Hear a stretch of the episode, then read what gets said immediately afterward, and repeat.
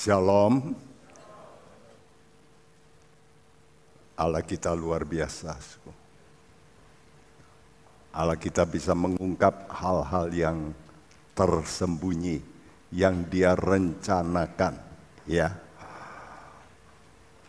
Daniel adalah seorang yang luar biasa yang dipakai Tuhan dan dia bisa menceritakan mimpi dari seorang raja tanpa diceritakan mimpi itu. Lalu juga diberi artinya. Ini sesuatu yang tidak pernah dilakukan oleh manusia. Saudara, Allah mempunyai rahasia yang disembunyikan. Dan kita harus tahu bahwa Allah itu hanya memberikan kepada orang-orang yang menghormati dia sebagai sang hikmat. Minggu lalu kita sudah mendengar bagaimana kita mesti bertanya ya kepada sang pemegang rahasia supaya kita bisa mengerti apa rencana Tuhan ke depan. Jikalau rencana Tuhan ke depan kita ketahui, maka kita bisa mempersiapkan suku apa yang perlu dalam hidup ini. Nah, hari ini kita akan bicara suku anugerah dari pemegang rahasia. Bagaimana dia memberikan anugerah? Perhatikan suku, Allah itu memberikan anugerah. Kata Tuhan, bagi orang percaya itu diberi kunci-kunci kerajaan. Ya, untuk apa? Untuk membuka rahasia itu. Karena itu Tuhan memberikan kunci-kunci kerajaan bagi kita supaya kita bisa mengungkap, membuka. Itu jelas dikatakan Tuhan dalam Matius 16. Simon Petrus, kepadamu aku berikan kunci-kunci kerajaan. Nah kita masih pegang kunci ini. Kita semua bisa diberi kalau kita dengan hati yang sungguh-sungguh meminta kepada Tuhan. Karena itu sore hari ini kita, kita akan mendengarkan judul ini. Anugerah dari sang pemegang rahasia. Puji nama Tuhan. Saudaraku, jika lu sudah ingin memperoleh rahasia Allah, saudara mesti berkomunikasi ya dan tangkap ucapan Tuhan yang punya rahasia. Nah, kalau dia bicara, saudaraku, maka kita lalu bisa tahu apa yang dibicarakan. Mari kita belajar untuk dekat dengan Tuhan, saudaraku, dalam doa khususnya dan mohon Roh Kudus yang menjadi pengungkap karena hanya roh Tuhan yang bisa mengungkapkan. Kita baca ulang, ulangan 29 ayat 29 bersama-sama. Semua bersuara, dua, tiga. Hal-hal yang tersembunyi ialah bagi Tuhan Allah kita, tetapi hal-hal yang dinyatakan ialah bagi kita dan bagi anak-anak kita sampai selama-lamanya supaya kita melakukan segala perkataan hukum Taurat ini. Ya, hal-hal yang tersembunyi itu bagi Tuhan, bagi Tuhan Allah. Ya, tetapi hal-hal yang dinyatakan itu bagi kita dan anak-anak kita, supaya jadi Tuhan itu mau menyatakan supaya saudara bisa melakukan Nah sekarang kenapa banyak orang mendengar perkataan Tuhan tapi tidak melakukan. Mana lebih banyak? Suku? Yang benar-benar melakukan 100% atau yang ya separuh-separuh di gereja pada umumnya. Fakta menunjukkan suku, lebih banyak orang-orang Kristen itu tidak melakukan sepenuhnya perkataan Tuhan. Kenapa? Ya, ayat ini mengatakan, karena mereka belum mendapat penyataan. Jadi saudara mesti di, dinyatakan oleh Tuhan sendiri.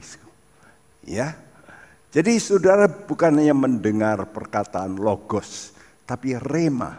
Rema itu untuk saudara sendiri. Nah, sering kali orang itu tidak sampai kepada rema itu, yaitu Tuhan itu bicara kepada dia.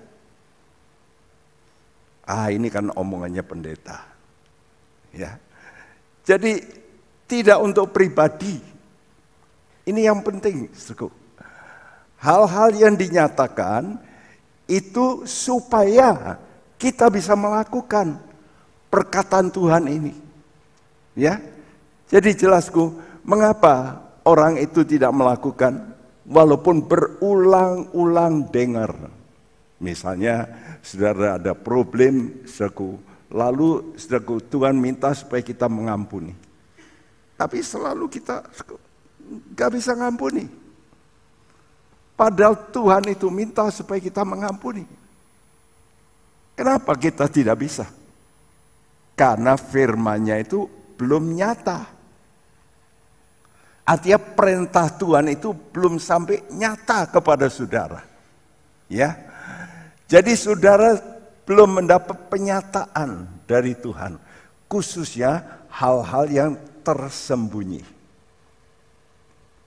Jikalau saudara mendapat penyataan hal-hal yang tersembunyi, saudara akan tahu, waduh, nanti kalau saya tidak mengampuni misalnya, itu keras berbicara.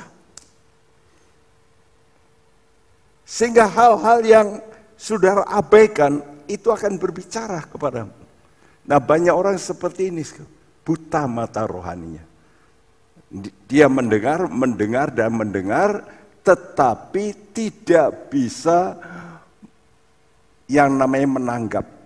Ya, jadi kita perlu bercakap-cakap dengan Tuhan dalam doa supaya memperoleh ungkapan-ungkapan dari Tuhan yang tersembunyi. Kalau saudara mendapat hal yang tersembunyi ini, maka muncul yang disebut kekuatan iman. Dan inilah orang-orang yang menanggap jadi begitu mendengar firman, dia bisa menanggap. Orang yang menanggap itu mempunyai kekuatan, kekuatan iman. Dalam bahasa Inggris ini dikatakan to perceive. Ya. Bahasa Greka berkata edo. Nanti kita belajar ini.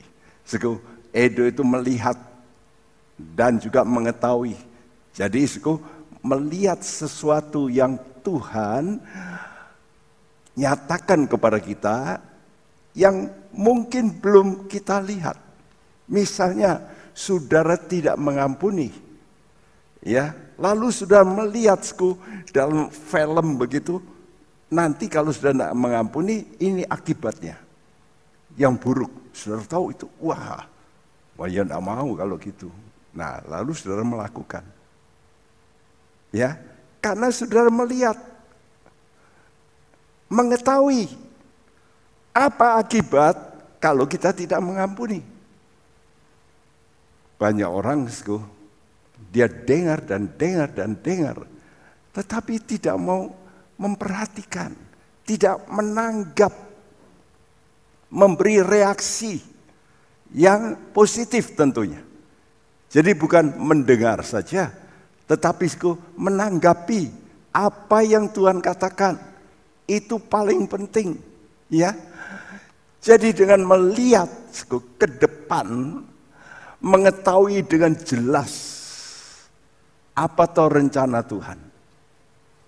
Dan kita tahu Tuhan itu merencanakan kerajaan.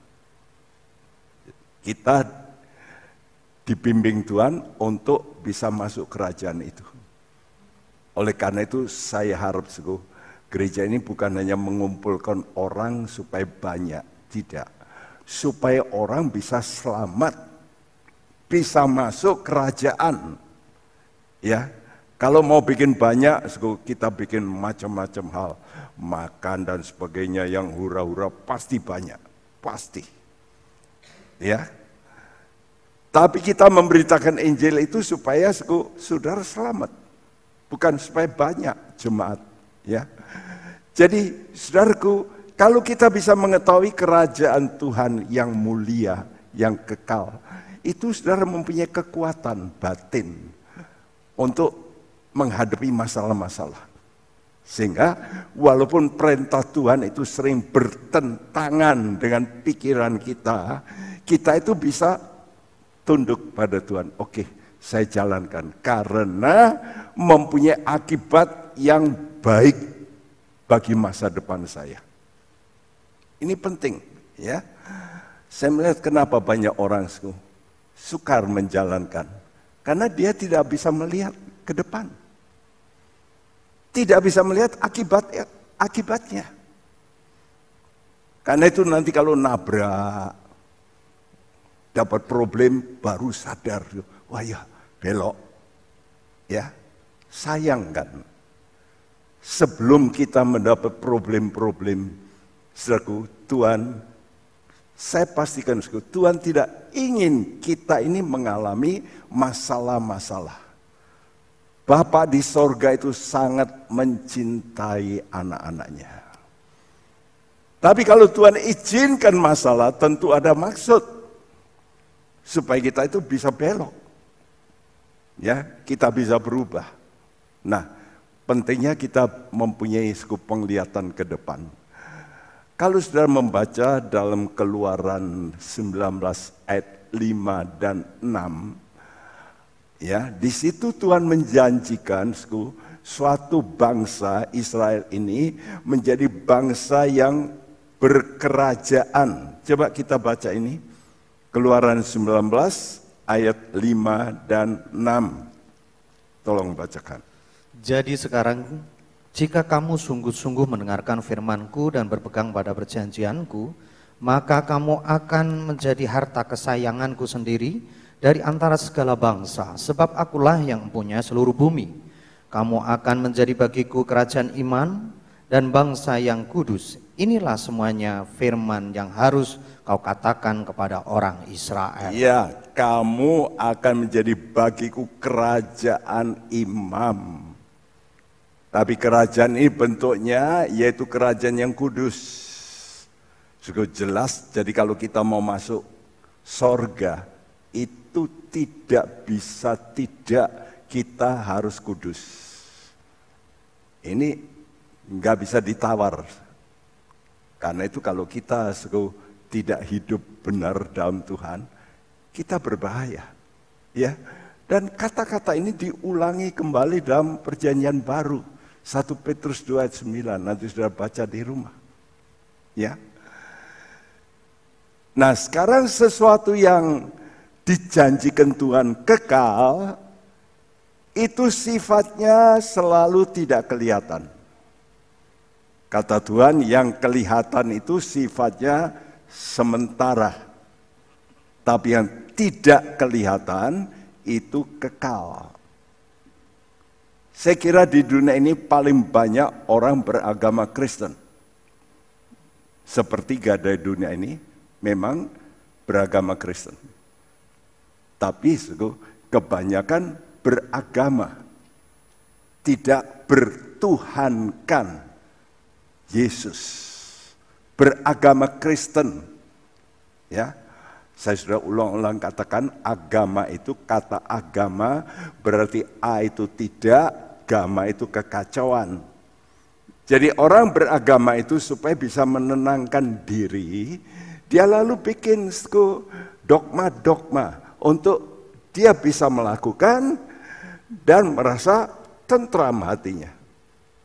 Ya, itu agama. Tapi sebenarnya Tuhan itu tidak mau saudara beragama, tapi bertuhan. Mempunyai Tuhan dalam hidupmu yang bisa mengatur. Yaitu Allah kita yang kita sembah. Ya, dan banyak orang beragama Kristen tapi tidak mempunyai kekuatan iman untuk menjalankan. Dianggap sukar, ya. Kok disuruh begini? Kok disuruh begitu? Apalagi kalau sudah soal duit, Tuhan minta begini gitu. Waduh. Sukar. Hubungan sukar. Ya. problem suami istri sukar. Kenapa, Sku? Ya karena tidak mempunyai kekuatan untuk melakukan. Kita butuh kekuatan untuk bisa melakukan. Nah, kekuatan ini datangnya karena kita bisa melihat ke depan. Ya. Jadi banyak orang itu beragama Kristen tapi tidak mempunyai kekuatan iman atau keberanian percaya untuk menjalankan perintah-perintahnya. Karena perintah Tuhan itu saya tahu, perintah Tuhan tidak mudah. Sukar. Sukar bagi daging. Ya, nggak enak. Kalau enak, wah pasti banyak orang ikut Tuhan Yesus. Saudara baca di Alkitab.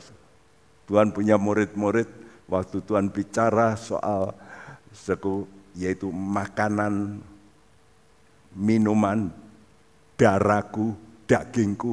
Wih, kaget semua.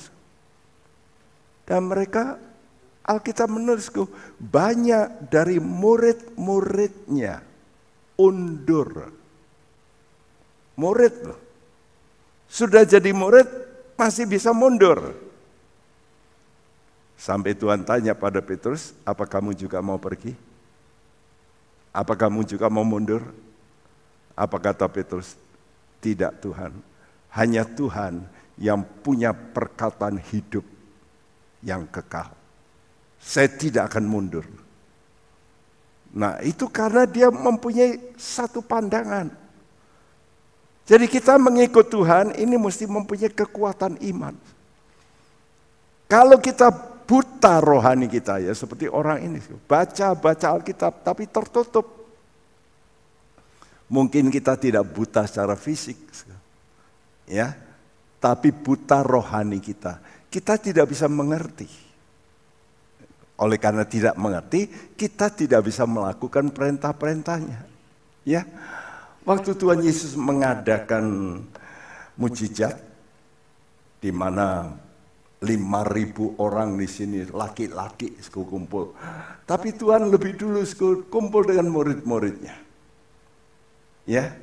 Dan dia mulai menyatakan rahasia kerajaan sorga. Dia berkata-kata tentang rahasia. Kalau sudah baca, selalu Tuhan kata melalui perumpamaan. Ya. Orang banyak tidak ngerti rahasia Tuhan. Kenapa? Ya karena buta rohaninya. Mari kita baca itu dalam Injil Matius pasal 13. Perhatikan baik-baik ayat-ayat ini. Karena ini perumpamaan yang pertama yang akan diungkapkan suku ya tentang seorang penabur Waktu dia telah bercerita tentang perumpamaan penabur, maka murid-muridnya bertanya, ya, apakah engkau ini berkata-kata mengapa engkau ini berkata-kata kepada orang banyak itu dengan perumpamaan? Kenapa Tuhan ini kok kok bicaranya nggak mau cespleng gitu? Kenapa kok pakai perumpamaan-perumpamaan penabur dan sebagainya? Kok enggak langsung gitu loh. Beri pengertian. Ya. Mari kita bacakan Matius 13 ayat 11 mulai tolong dibacakan. Jawab Yesus, kepadamu diberi karunia untuk mengetahui rahasia kerajaan sorga, tetapi kepada mereka tidak. Karena siapa yang mempunyai kepadanya akan diberi, sehingga ia berkelimpahan. Tetapi siapa yang tidak mempunyai apa pun juga yang ada padanya akan diambil daripadanya. Itulah sebabnya aku berkata dalam perumpamaan kepada mereka. Karena sekalipun melihat mereka tidak melihat dan sekalipun mendengar mereka tidak mendengar dan tidak mengerti.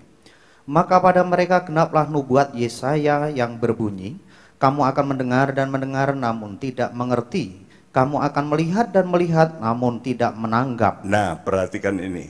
Kamu mendengar dan mendengar namun tidak mengerti. Kamu akan melihat dan melihat namun tidak menanggap. Nah, kata ini tidak menanggap ya. Terus Sebab hati bangsa ini telah menebal dan telinganya berat mendengar dan matanya melekat tertutup supaya jangan mereka melihat dengan matanya dan mendengar dengan telinganya dan mengerti dengan hatinya lalu berbalik sehingga aku menyembuhkan mereka.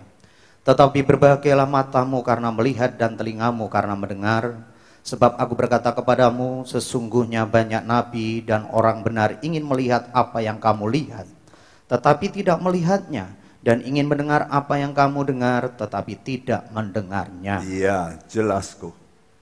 Perbedaan yang besar dari antara orang banyak di mana Tuhan bicara, mereka tidak mengerti rahasia kerajaan. Tapi ayat 11 berkata, jawab Yesus, kepadamu diberi karunia untuk mengetahui untuk tahu ya rahasia kerajaan sorga.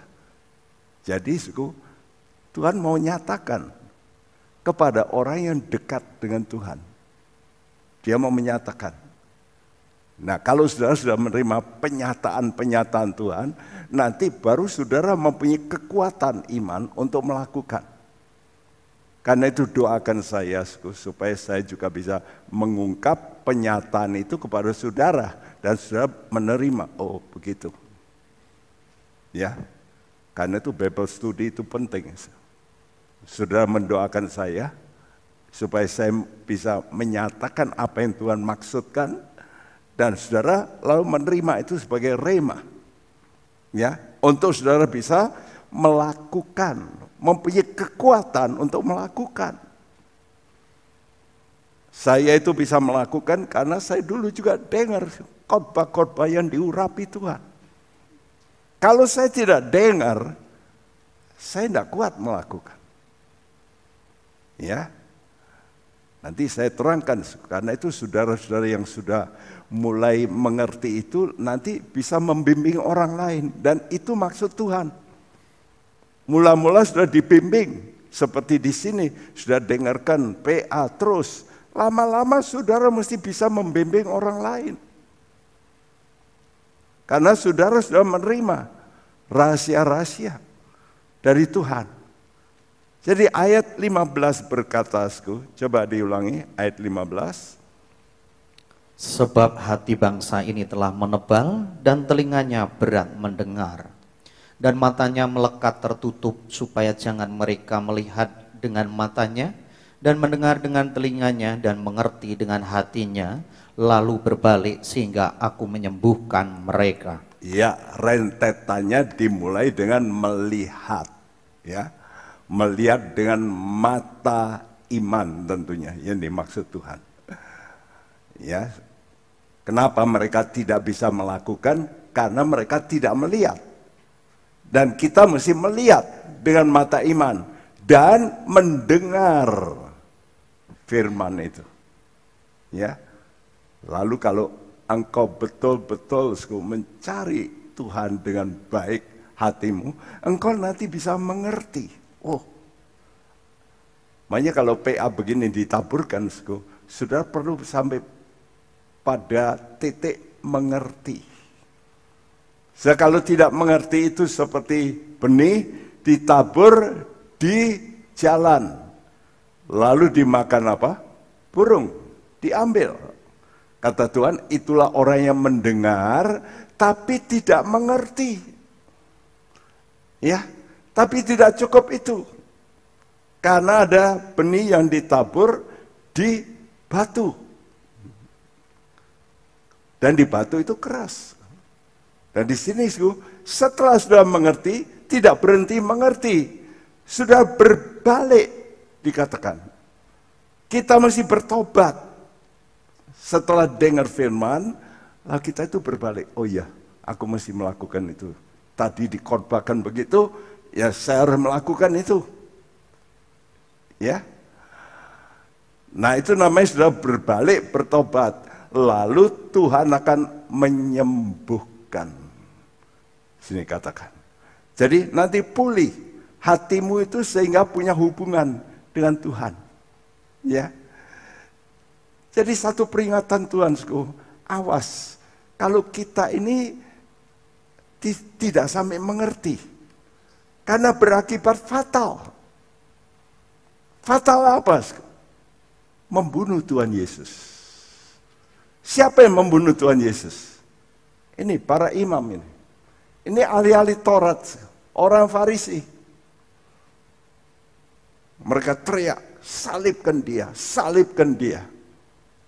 Ya, mereka punya Alkitab saat itu yang juga dibaca oleh rasul-rasul sama. Kenapa kok bisa beda?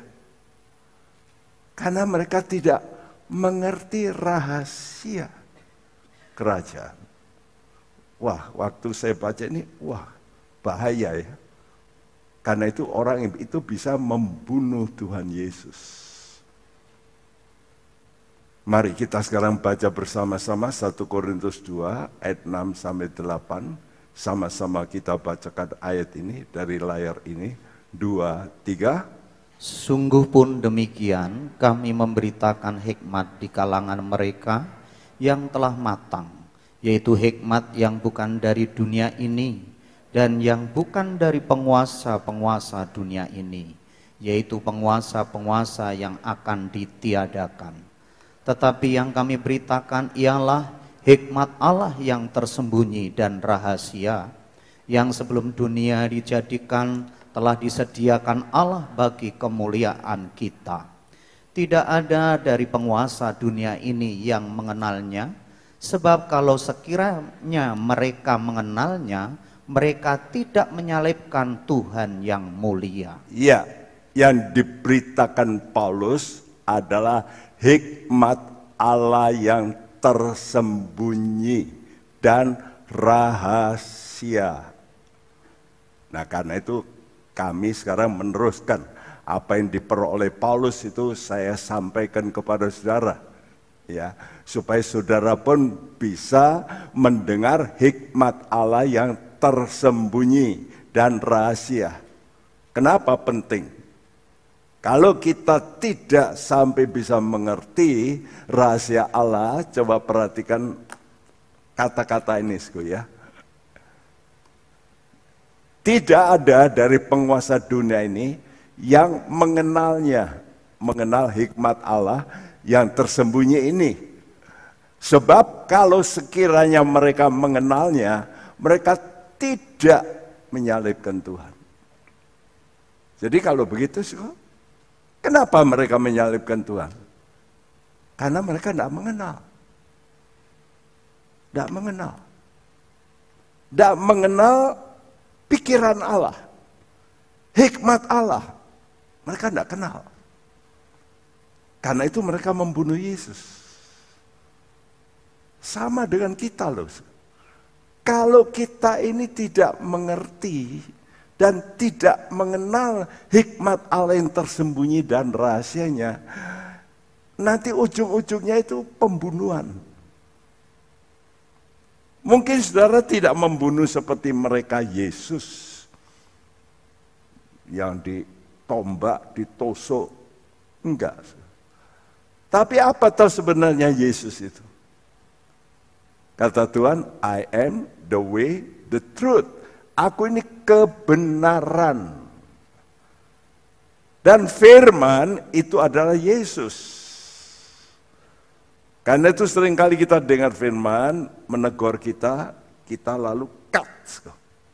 Ah itu untuk orang lain, bukan untuk saya. Membunuh enggak itu? Membunuh. Jadi kalau sudah dengar teguran firman, kena hatimu, suku, tapi engkau menolak. Itu sama dengan membunuh Yesus. Nah ini kita mesti ngerti, oh aku enggak pernah membunuh Yesus. Ya memang tidak secara fisik, tapi secara rohani, yes. Karena firman Tuhan mengajar kita, tapi kita menolak. Kita nggak mau terima. Kenapa tidak mau terima? Karena kita tidak mengerti rahasia. Ya. Karena itu banyak orang yang mengaku Kristen, tetapi dalam tingkah lakunya, dalam perbuatannya sering kali justru membunuh firman Tuhan, melanggar firman Tuhan. Banyak alasan tentunya. Banyak kekhawatiran. Ya. Sehingga lalu tidak menjalankan firman Tuhan. Karena itu kita mesti belajar, sko. Saya pun harus terus belajar sko, menjalankan seutuhnya. Sebab masih ada hal-hal yang belum komplit saya jalankan. Sko. Dan itu perlu perjuangan. Karena kadang-kadang perasaan kita, pikiran kita berkata, ah janganlah. Jangan nuruti yang suara Tuhan begitu. Ya, ini sesuatu yang tidak mudah. Tapi kalau saudara mendengar firman Tuhan dan terungkap, menanggap, saudara mulai respons, maka akan terjadi rentetan. Engkau mengerti, engkau lalu disembuhkan oleh Tuhan dan engkau berubah. Ya. Nah, karena itu kalau saudara sudah banyak menerima, biasanya orang yang menerima itu anak-anak. Waktu kita kecil, kita selalu menerima. Ya dikasih ini, kasih itu dari orang tua kita, kasih perhatian, ya. Tapi kita kan tidak boleh terus begitu. Coba kalau sudah punya anak terus hanya menerima, tapi tidak pernah memberi. Saya berkata, waduh, celaka. Tidak ada kemajuan. Ya, Nah, saudara yang ingin maju untuk bukan cuma dengar. Tapi sekarang saudara mempunyai pikiran seperti pembimbing-pembimbingmu. Nah ini saya harapkan. Dari gereja ini nanti akan muncul orang-orang yang bisa membimbing orang lain. Karena itu nanti kalau dijadikan pimpinan sel, ya, leader care cell, itu jangan, tidak bisa, tidak bisa, jangan, jangan. Kapan bisanya? Bertahun-tahun, ya, dengar kok masih nggak bisa. Saudaraku, yang penting lebih dulu punya hasrat. Hasrat membalas kasih Tuhan. Ya, saya ini bisa begini sekarang karena ada orang yang membimbing. Sekarang masih banyak orang yang perlu dibimbing. Nah kalau kita ingin menyelamatkan lebih banyak orang, maka saudara mesti muncul. Bukan hanya sebagai pendengar sekarang, tetapi sebagai pembimbing. Karena itu, suku, saudara yang ingin cepat dewasa, karena itu di gereja ada orang yang lamban, suku. Bertahun-tahun, ya gitu terus nggak bisa punya kemajuan rohani. Kenapa sih? Ya terus minta diperhatikan. Tapi kurang memperhatikan. Karena hukum Tuhan begini. Berilah, maka kepada kamu akan diberi. Itu hukum Tuhan. Jadi kalau saudara mau memberikan dari hidupmu kepada orang lain, maka Tuhan kasih. Banyak tadi katakan, kalau orang tidak mau memberi karena merasa tidak punya, akan diambil oleh Tuhan. Justru. Tapi kalau dia memberi, Tuhan akan tambahi. Ini hukum ya. Jadi hukum Tuhan itu lakukan lebih dulu. Kamu sih berani korban. Kalau kamu berani korban, nanti Tuhan kasih. Itu hukum Tuhan. Ya. Jadi kalau saudara mau cepat menjadi dewasa, itu karena punya keinginan untuk membagikan, memberi pertolongan kepada orang-orang yang lemah iman. Yang sebentar-bentar ngambek, bentar-bentar, waduh, sudah perlu membimbing mereka mentoring. Nah di gereja ini yang kekurangan selalu itu mentor-mentor, pembimbing-pembimbing. Gereja kita suku menginginkan supaya saudara satu orang bisa mentor satu orang saja. Cukup ya. Tidak perlu banyak. Satu, satu. Setahun coba saudara mentor satu orang. Sampai orang itu bisa dewasa rohani. Wah berhasil. Tahun depan dia nanti melakukan dengan saudara. Berarti dua. Dapat berapa? Nanti dua lagi. Empat. Nah tahun depannya lagi empat. Terus dapat empat. Delapan. Delapan nanti kerja 16. Betul? 16 32. Wah, nanti jadi banyak tuh. Iya.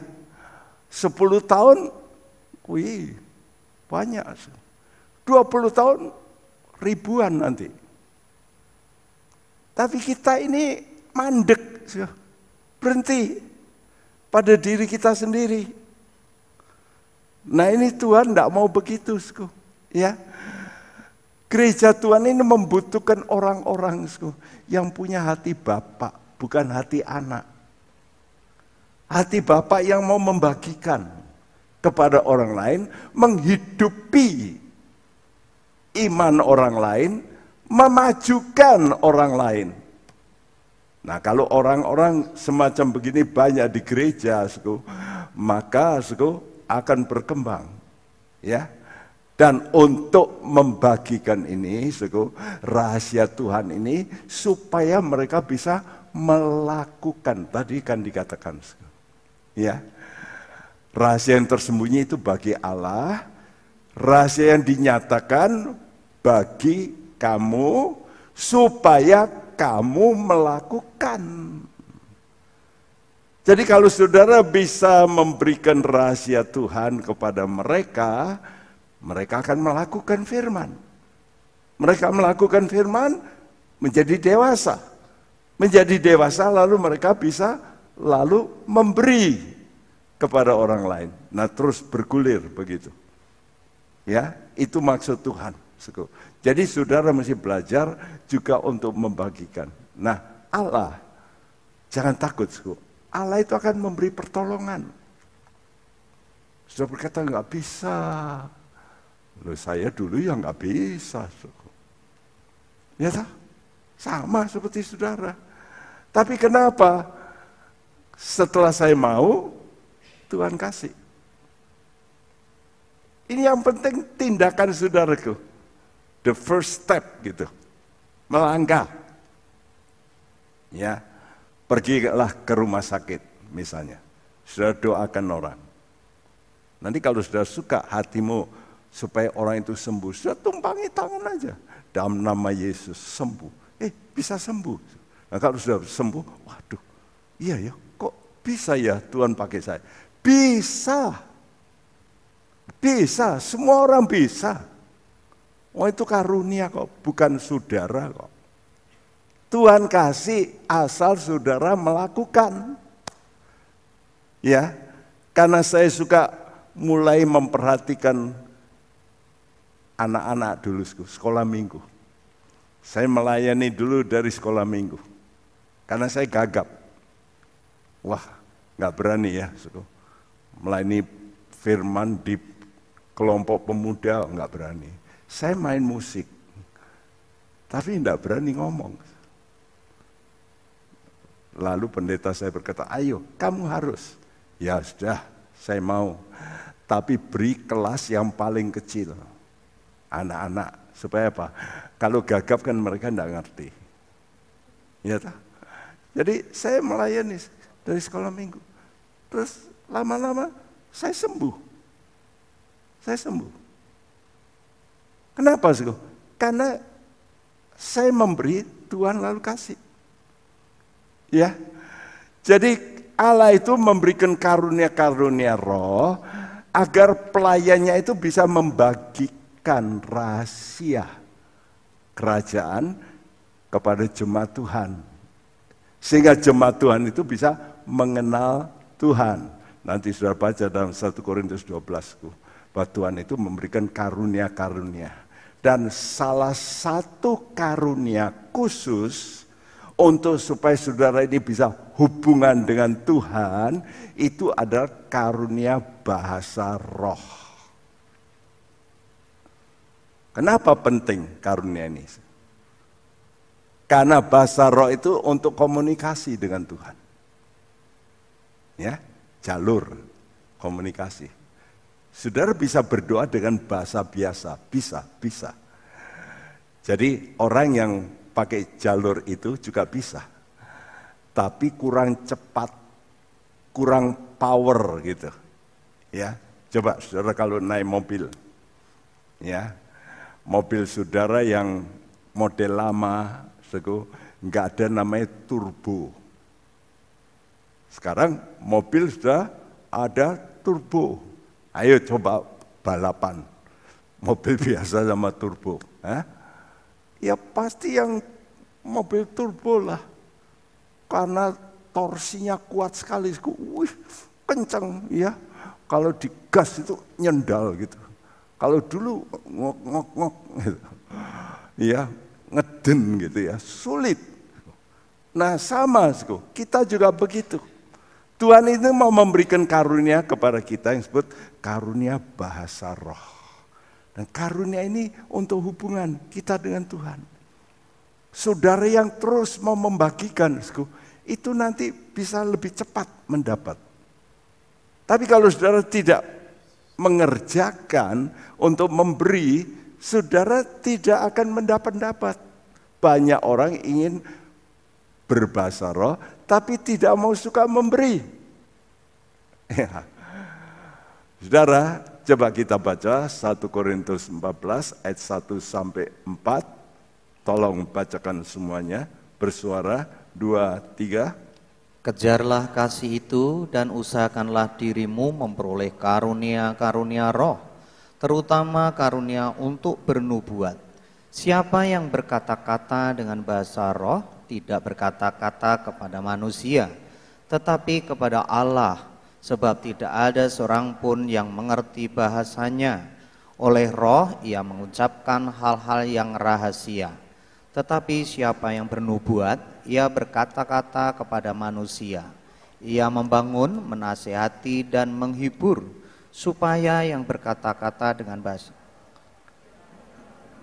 dirinya sendiri, tetapi siapa yang bernubuat, ia membangun jemaat. Iya, Saudara Sarino ini tadi bacanya salah. Coba Anda baca sendiri siapa ini. Yo. Siapa yang berkata-kata dengan bahasa roh, ia membangun dirinya sendiri, tetapi siapa yang bernubuat, ia membangun jemaat. Ya, siapa yang berkata-kata dengan bahasa roh, ia membangun dirinya sendiri. Dan dikatakan tidak seorang pun mengerti bahasanya. Jadi yang ngomong bahasa roh ini juga tidak ngerti dia ngomong apa. ya. Oleh roh ia mengucapkan hal-hal yang rahasia. Jadi orang kalau berbahasa roh dia itu ngomong sesuatu yang rahasia. Dia dewek juga nggak ngerti apa yang diomongkan Orang lain juga nggak ngerti. Tapi dia ngomong. Ya, pada Allah. Dan kalau dia ngomong nanti imannya jadi kuat. Nah ini namanya mystery of godliness. Rahasia ibadah. 1 Timotius 3:16 mengatakan agunglah great ya besarlah rahasia ibadah kita. Aneh ya, orang berkata-kata dalam bahasa roh, orang berkata, edan nih ngomong apa ini? Ya toh, saudara yang dulu dari gereja lain yang tidak pernah dengar, ini gereja apa ini? Jangan-jangan ini kerasukan setan. Tapi Tuhan jelas menulis di sini. Orang berkata-kata dengan bahasa roh, itu bukan berkata pada manusia, tapi kepada Allah. Dia mengatakan hal-hal yang rahasia. Ya. Nah, Saudara, untuk apa? Membangun dirinya. Kalau dia bangun, itu aja dia lalu bisa dengar firman Tuhan, lalu menanggap. Kenapa orang itu tidak bisa menanggap? Karena takut. Kenapa? Karena tidak dibangun dirinya. Tapi kalau dirinya dibangun, dia lalu bisa menanggap. Tapi lebih dulu, suku, ayat ini dimulai dengan kata-kata ini, kejarlah kasih itu Betul? Sebelum usahakan dirimu memperoleh karunia karunia roh, Tuhan berkata lebih dulu kejarlah kasih itu. Dan baru yang berikutnya ya. Karunia roh itu macam-macam misalnya karunia kesembuhan ilahi. Jadi ada orang yang berbeban ah saya mau mendoakan supaya orang itu sembuh. Eh sembuh sembuh. Tapi terus dia melakukan terus, banyak yang sembuh. Lalu dia berkata, wah aku ciami ya, hebat ya. Lalu lupa bahwa bukan dia yang menyembuhkan. Dia itu cuma alat saluran dari karunia Allah untuk menolong orang yang sakit. Karena itu, bahaya kalau orang itu mulai bergerak dalam karunia-karunia roh, tapi tidak mengejar kasih. Karena itu lebih dulu dikatakan kejarlah kasih itu. Ini prioritas. Ya. Jadi prioritasnya itu kasih. Kalau kamu sudah punya kasih, lalu dan usahakan memperoleh karunia-karunia. Terutama karunia bernubuat. Bernubuat itu artinya mengucapkan omongan, firman. Ya seperti saya sekarang ini, saya bernubuat juga. Ya, ini juga disebut Tuhan bernubuat. Kalau dalam bahasa koi itu namanya jangtau. Jangtau itu ya berkorban. Ya, jadi saudara, saudara-saudara yang di komsel itu kadang-kadang diurapi Tuhan lalu bisa ngomong. Perkataan waktu sudah ngomong, orang lain bisa kuat hatinya. Wah, bagus itu. Bahayanya, kalau orang itu tidak mengejar kasih lebih dulu, dia dalam bahaya bisa apa? Jatuh dalam pelayanan. Ini sudah dibuktikan. Ya, saya membaca buku Pioneer of Faith. Di situ ada dua kakak beradik yang sakit rematik beratnya bukan main. Tapi sembuh dua-duanya melalui karunia kesembuhan. Didoakan oleh seorang pendeta, sembuh. Dua-duanya sembuh. Dan waktu dia sembuh, dia berkata, wah saya ingin membalas kasih Tuhan.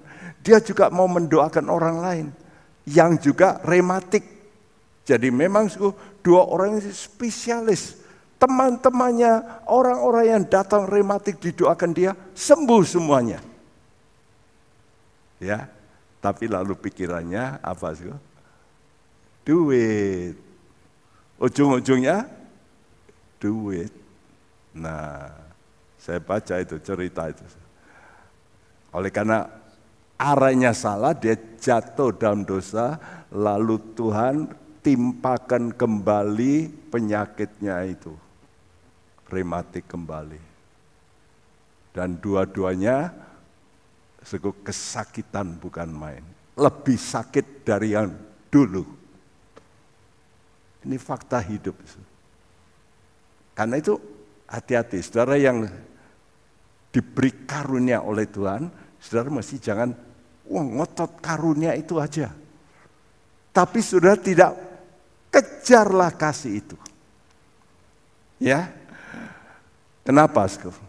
Sebab ada kriteria setelah dituliskan tadi dalam 1 Korintus 12 ada kriteria ini. Coba bacakan bersama. 1 Korintus 12 ayat 7, 2, 3. Tetapi kepada tiap-tiap orang dikaruniakan penyataan roh untuk kepentingan bersama. Iya, saudara diberi penyataan roh, karunia-karunia roh untuk apa, Sku? Untuk kepentingan bersama. Ini untuk gerejanya. Ya, ada yang main piano. Tidak semua orang bisa musik. Benar? Tidak semua orang bisa begini. Dorong-dorong ini, ini kan tenaganya harus kuat. Tidak semua orang bisa begini juga. Tidak orang bisa berkhotbah, ya toh. Jadi masing-masing ini bekerja untuk gerejanya, untuk kepentingan bersama. Itu harus diperhatikan.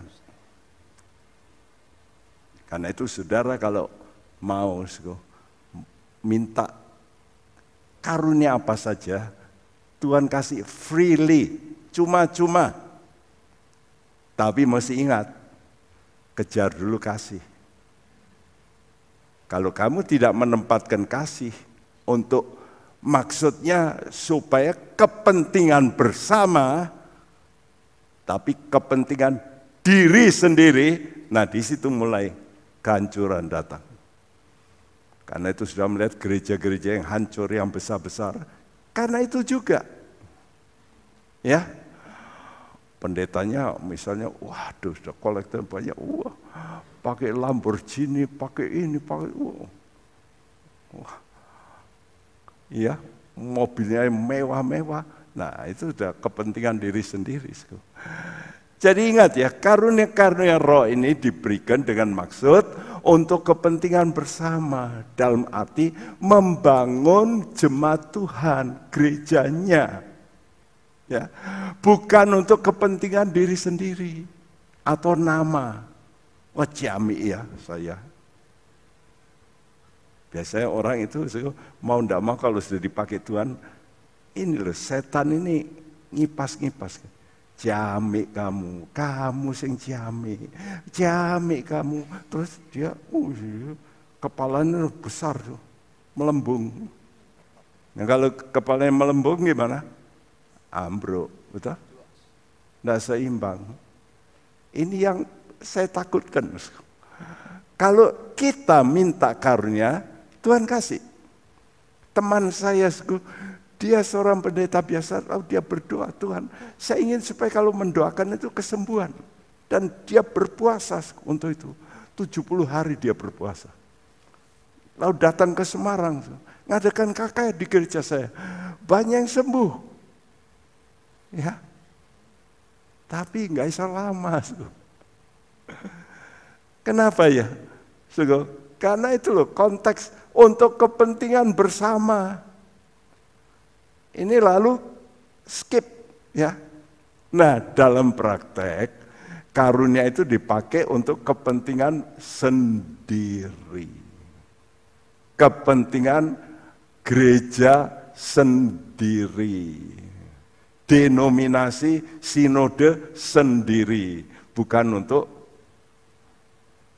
gereja pada umumnya. Karena itu kalau kadang-kadang saya diundang keluar kota barang untuk menguatkan gereja lain, saudara juga mesti, ya Pak Bekti biar menguatkan gereja lain. Jangan, waduh kalau Pak Bekti pergi, oh, enggak enak. Walah, itu kan kepentinganmu sendiri. Halo? Setuju? Karena itu saya harus saudara bisa mengerti, saya ini miliknya Tuhan, bukan miliknya gereja ini. Ya, untuk menguatkan juga di tempat lain. Ya, karena itu, suku, akibatnya kalau enggak nyeleweng kita dari maksud dan tujuan Tuhan. Ya, karena itu tanpa buah roh, kasih itu buah roh, suku, karunia roh bisa disalah pakai. Atau lebih jelas, tanpa karakter ilahi, maka karisma dapat diselewengkan untuk tujuan pribadi. Karena itu pendeta-pendeta yang berkarisma bahaya. Bagus ya, tapi berbahaya kalau dia salah pakai. Nah ini saudara perlu mendoakan saya supaya Tuhan supaya Pak Bekti hati-hati ya. Jangan sampai sombong, lalu pakai kepandaiannya berkhotbah untuk kepentingan sendiri. Sudah perlu mendoakan saya, Tuhan jagai. Jewer Pak Bekti Tuhan, kalau perlu. Kalau dia nyeleweng. Ya, saudara, penting itu, saudara perlu mendoakan. Ya, seperti gambar ini, ya, ini orang-orang, uh, dukung gitu. Tapi ya, dia nginjak orang lain. Ini nyata. Nah, tadi katakan kejarlah kasih. Kata kejar itu diokos. Lari kejar. Nah kalau sudah lari-lari terus capek enggak? Capek. Ya, implikasinya sku, memberi diri untuk menderita. Kenapa sku? Yang namanya kejar kasih, siapa itu kasih? Kasih itu Allah. Allah itu kasih. Jadi saudara ini mesti ngejar Allah. Ya, artinya mengikuti cara hidupnya Yesus. Waduh, sukar enggak ngikuti cara hidup Yesus? Sukar ya. Nah gampang. Karena itu mari, kita mesti punya keberanian untuk korban. Demi untuk penyelamatan manusia yang lain. Sama seperti Yesus. Kenapa dia datang dari sorga? Untuk apa? Untuk mati. Jadi Yesus itu datang dari sorga untuk apa? Untuk mati. Untuk menggantikan korban. Untuk substitusi. Untuk jadi tumbal. Supaya jangan kita yang kena. Tapi tumbalnya yang kena supaya kita selamat.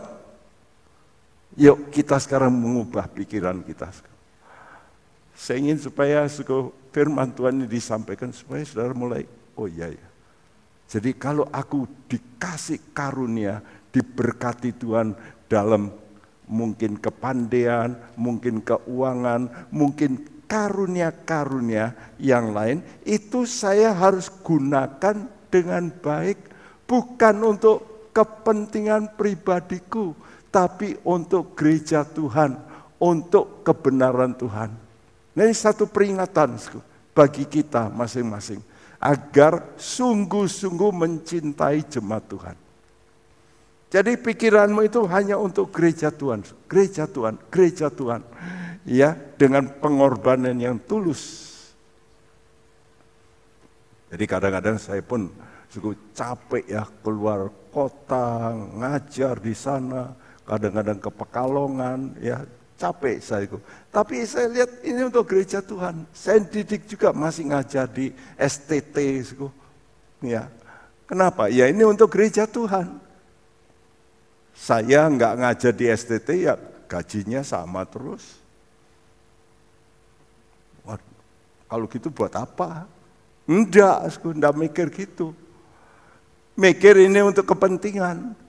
Ya, gereja Tuhan untuk melengkapi mahasiswa STT. Nah, kalau kita semua punya pikiran begitu, saya pastikan gereja kita akan maju. Amin. Mau saudara makin dewasa, coba bergerak sekarang. Coba yang tadinya disuruh jadi leader sel, mo mo mo, ora iso, ora iso sekarang bilang apa? Bisa. Here am I. Send me Lord. Di sini aku, suruh aku melakukan. Nanti engkau beri aku karunia. Nah kalau sudah melakukan, karunia Tuhan mulai ngalir pada saudara. Nanti saudara bisa aneh sendiri. Orang Jawa bilang, gumun. Kok bisa ya? Aku dulu nggak bisa Kok sekarang bisa? Bisa saya berkata. Kalau saya melangkah dengan iman pasti bisa. Karena Tuhan pasti menyertai. Karena itu mari suku. Jangan sampai kita salah, jangan sampai kita menyeleweng, karena untuk kepentingan diri kita sendiri. Tapi untuk kepentingan gereja Tuhan. Nah konsentrasi ke situ. Saya melakukan untuk gereja Tuhan. Baik di gereja ini maupun juga bisa menolong gereja lain. Karena itu kita juga bangun-bangun suku gereja lain di cabang-cabang begitu banyak suku. Kita tolong. Jadi bukan hanya untuk kita sendiri. Ya, tapi untuk kepentingan gereja Tuhan secara universal. Mari kita datang pada Tuhan. Suku. Buka mataku untuk memandang Yesus. Ingin ku jamah dia karena ku cinta dia.